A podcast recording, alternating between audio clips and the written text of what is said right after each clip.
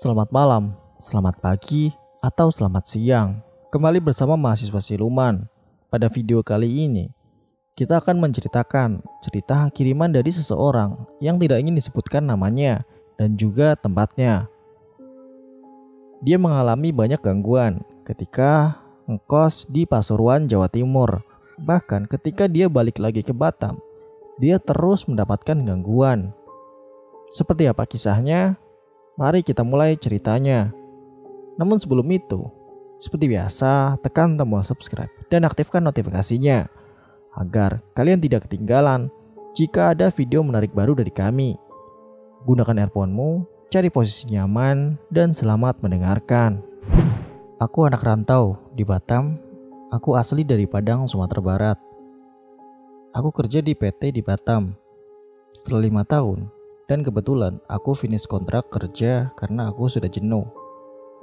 Aku akhirnya pindah ke Jawa Timur, tepatnya di Pasuruan, ke tempatnya saudara, maunya mencari suasana baru. Rencananya aku di Jatim mau kerja di PT juga. Di sana ada PT Udang. Kebetulan saudaraku kerja di sana dan juga rencana aku akan dimasukkan kerja di situ juga. Singkat cerita, dari Batam aku langsung ke Jawa Timur Sampainya di Pasuruan, aku langsung dicariin kos sama saudaraku. Dia ngekosnya di bawah, sedangkan aku di atas. Kosan itu bertingkat, totalnya ada 60 kamar. Awal masuk kos di situ feelingku sudah gak enak banget. Karena kamarnya itu hawanya panas. Terus kadang dalam sehari, aku bisa mandi sampai empat kali sehari, saking gerahnya. Hari-hari, aku habiskan waktu di dalam kos saja, karena aku di sana nggak tahu jalan dan saudaraku sibuk kerja. Jadi dia juga nggak ada waktu buat ngajak aku keluar. Semenjak aku tempati kosan itu, tiap malam aku selalu ketidihan. Dan setiap malam aku mimpi buruk terus. Padahal sebelum tidur, aku selalu membaca doa ayat-ayat pendek yang aku bisa. Pas seminggu aku di kos, maghribnya itu ada temanku dari kampung video call dan aku angkat. Pas aku angkat, posisiku duduk di pintu kos. Aku nyender gitu di pintu yang aku tutup. Jadi, biar enak aku senderan di pintu itu. Dia langsung kaget, terus spontan nanya, "Itu yang di samping kakak siapa?" Mendengar hal itu, aku sangat kaget. Dia bilang mending keluar dulu dari kamar. Belum sempat aku jawab, dia langsung matiin teleponnya. Setelah aku keluar, aku telepon dia lagi. Jadi pas kami udah teleponan, dia ngejelasin pas aku duduk itu di sampingku ada juga yang duduk. Sosoknya perawakannya nggak jelas, cuman yang dia lihat rambutnya itu gimbal, tapi panjang acak-acakan, mukanya nggak jelas ketutup sama rambutnya, dan tangannya panjang banget. Dan pas dia nanya di sampingku itu siapa, posisinya Katanya sosok itu sudah mau menyentuhku dengan tangannya. Karena aku kaget, jadi sosok itu langsung berhenti menyentuhku dan temanku langsung matiin HP. Padahal waktu itu besoknya aku sudah dapat panggilan interview di PT Udang. Cuman karena aku udah ketakutan dan shock, jam 8 malam aku langsung pesen tiket online. Paginya aku ngomong sama adekku. Aku gak jadi kerja di PT itu Adekku ya kecewa banget pas aku bilang mau balik lagi ke Batam. Tapi dia juga gak mungkin maksa.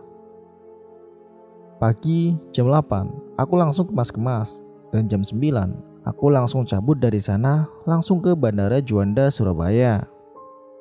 Aku gak ngasih tahu alasan yang sebenarnya sama adekku. Aku dapat penerbangan siang. Sorenya aku nyampe lagi di Batam. Aku orangnya takutan, apalagi soal mistis. Padahal, aku orangnya nggak peka sama hal begituan. Dan setelah aku sampai di Batam, aku stay di tempat adekku cewek, dia tinggal berdua sama temannya. Adekku ini kerja di PT juga, dan temannya itu juga kerja. Mereka satu PT. Tinggallah kami bertiga.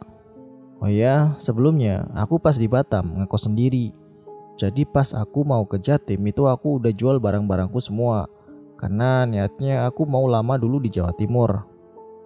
Makanya aku jual semua barang-barangku dan pas aku balik lagi ke Batam, jadinya mau gak mau aku numpang tinggal sama adekku itu. Hari-hariku sudah biasa lagi. Aku gak pernah cerita-cerita sama keluargaku masalah aku pas di Jawa Timur itu. Aku cuman cerita sama teman yang pas kami VC itu. Aku ngasih kabar kalau aku udah cabut dari situ dan balik lagi ke Batam. Oh ya, kenapa aku pulang lagi ke Batam? Kenapa nggak coba pulang kampung aja? Di rumahku cuman tinggal ibuku saja. Dan posisinya ibuku pas aku di Jatim juga tidak ada di rumah. Beliau lagi di Jakarta, di rumah abangku yang pertama. Makanya aku milih pulang lagi ke Batam. Aku di Batam tinggal bertiga, cewek semua. Awalnya baik-baik saja, karena kami pun bertiga itu nggak ada yang peka sama hal-hal begituan. Dan pas sudah seminggu aku tinggal di situ, udah mulai lagi aneh-aneh. Awalnya aku ngimpi buruk terus tiap malam dan kadang juga sering ketindihan juga. Ternyata bukan aku aja, adikku sama temenku juga sama. Mereka juga mimpi buruk, tapi kami belum terlalu ambil pusing karena kita sibuk juga dengan kegiatan kita masing-masing. Tapi lama-lama gangguannya udah mulai serem banget. Pas teman adekku sendiri di kamar itu, dia cerita kalau adekku pulang, tapi diam aja, gak ngomong apa-apa. Karena temannya ini posisinya lagi tiduran main HP, jadi nggak terlalu diperhatikannya. Pas buka lemari, terus adekku ini keluar lagi, dan habis itu nggak balik-balik lagi. Nah, pas aku udah di rumah dan adekku juga udah pulang, barulah temanku itu nanya, tadi pulang ngapain? Cuman buka lemari doang, habis itu keluar lagi. Pas di situ adekku kaget. Dia bilang gak ada pulang. Lagian, ngapain dia pulang? Hanya untuk membuka lemari doang.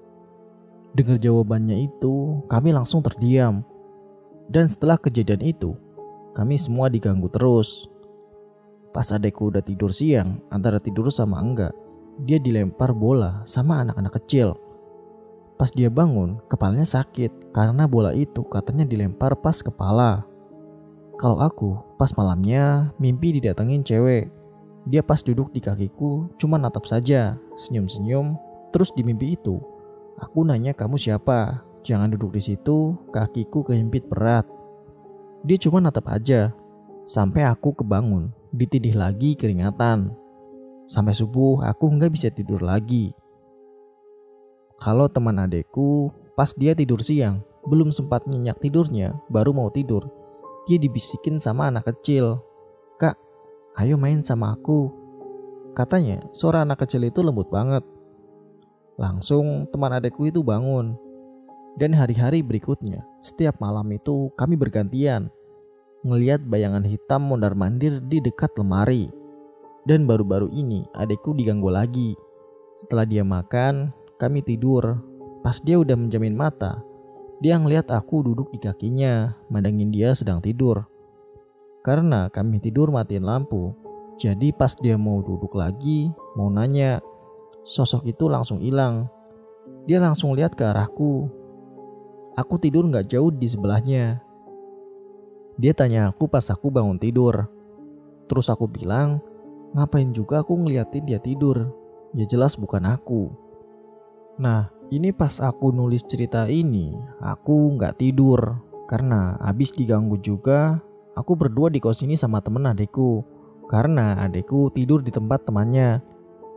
Jam satu malam kami kebangun.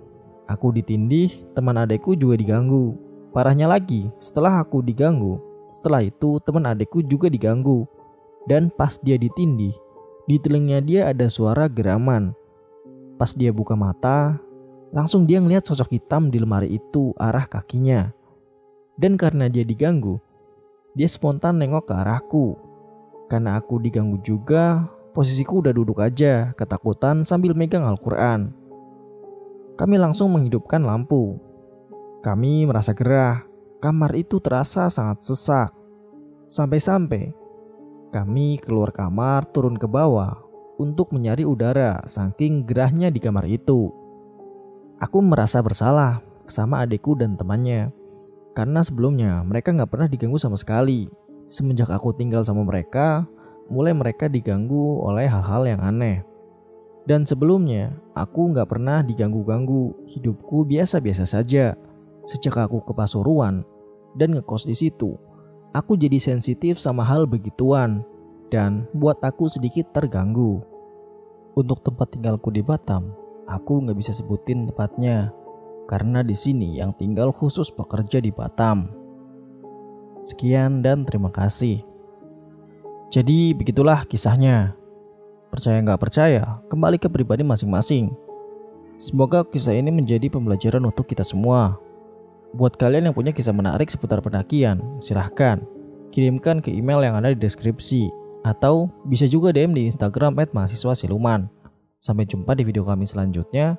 Salam lestari, mahasiswa siluman.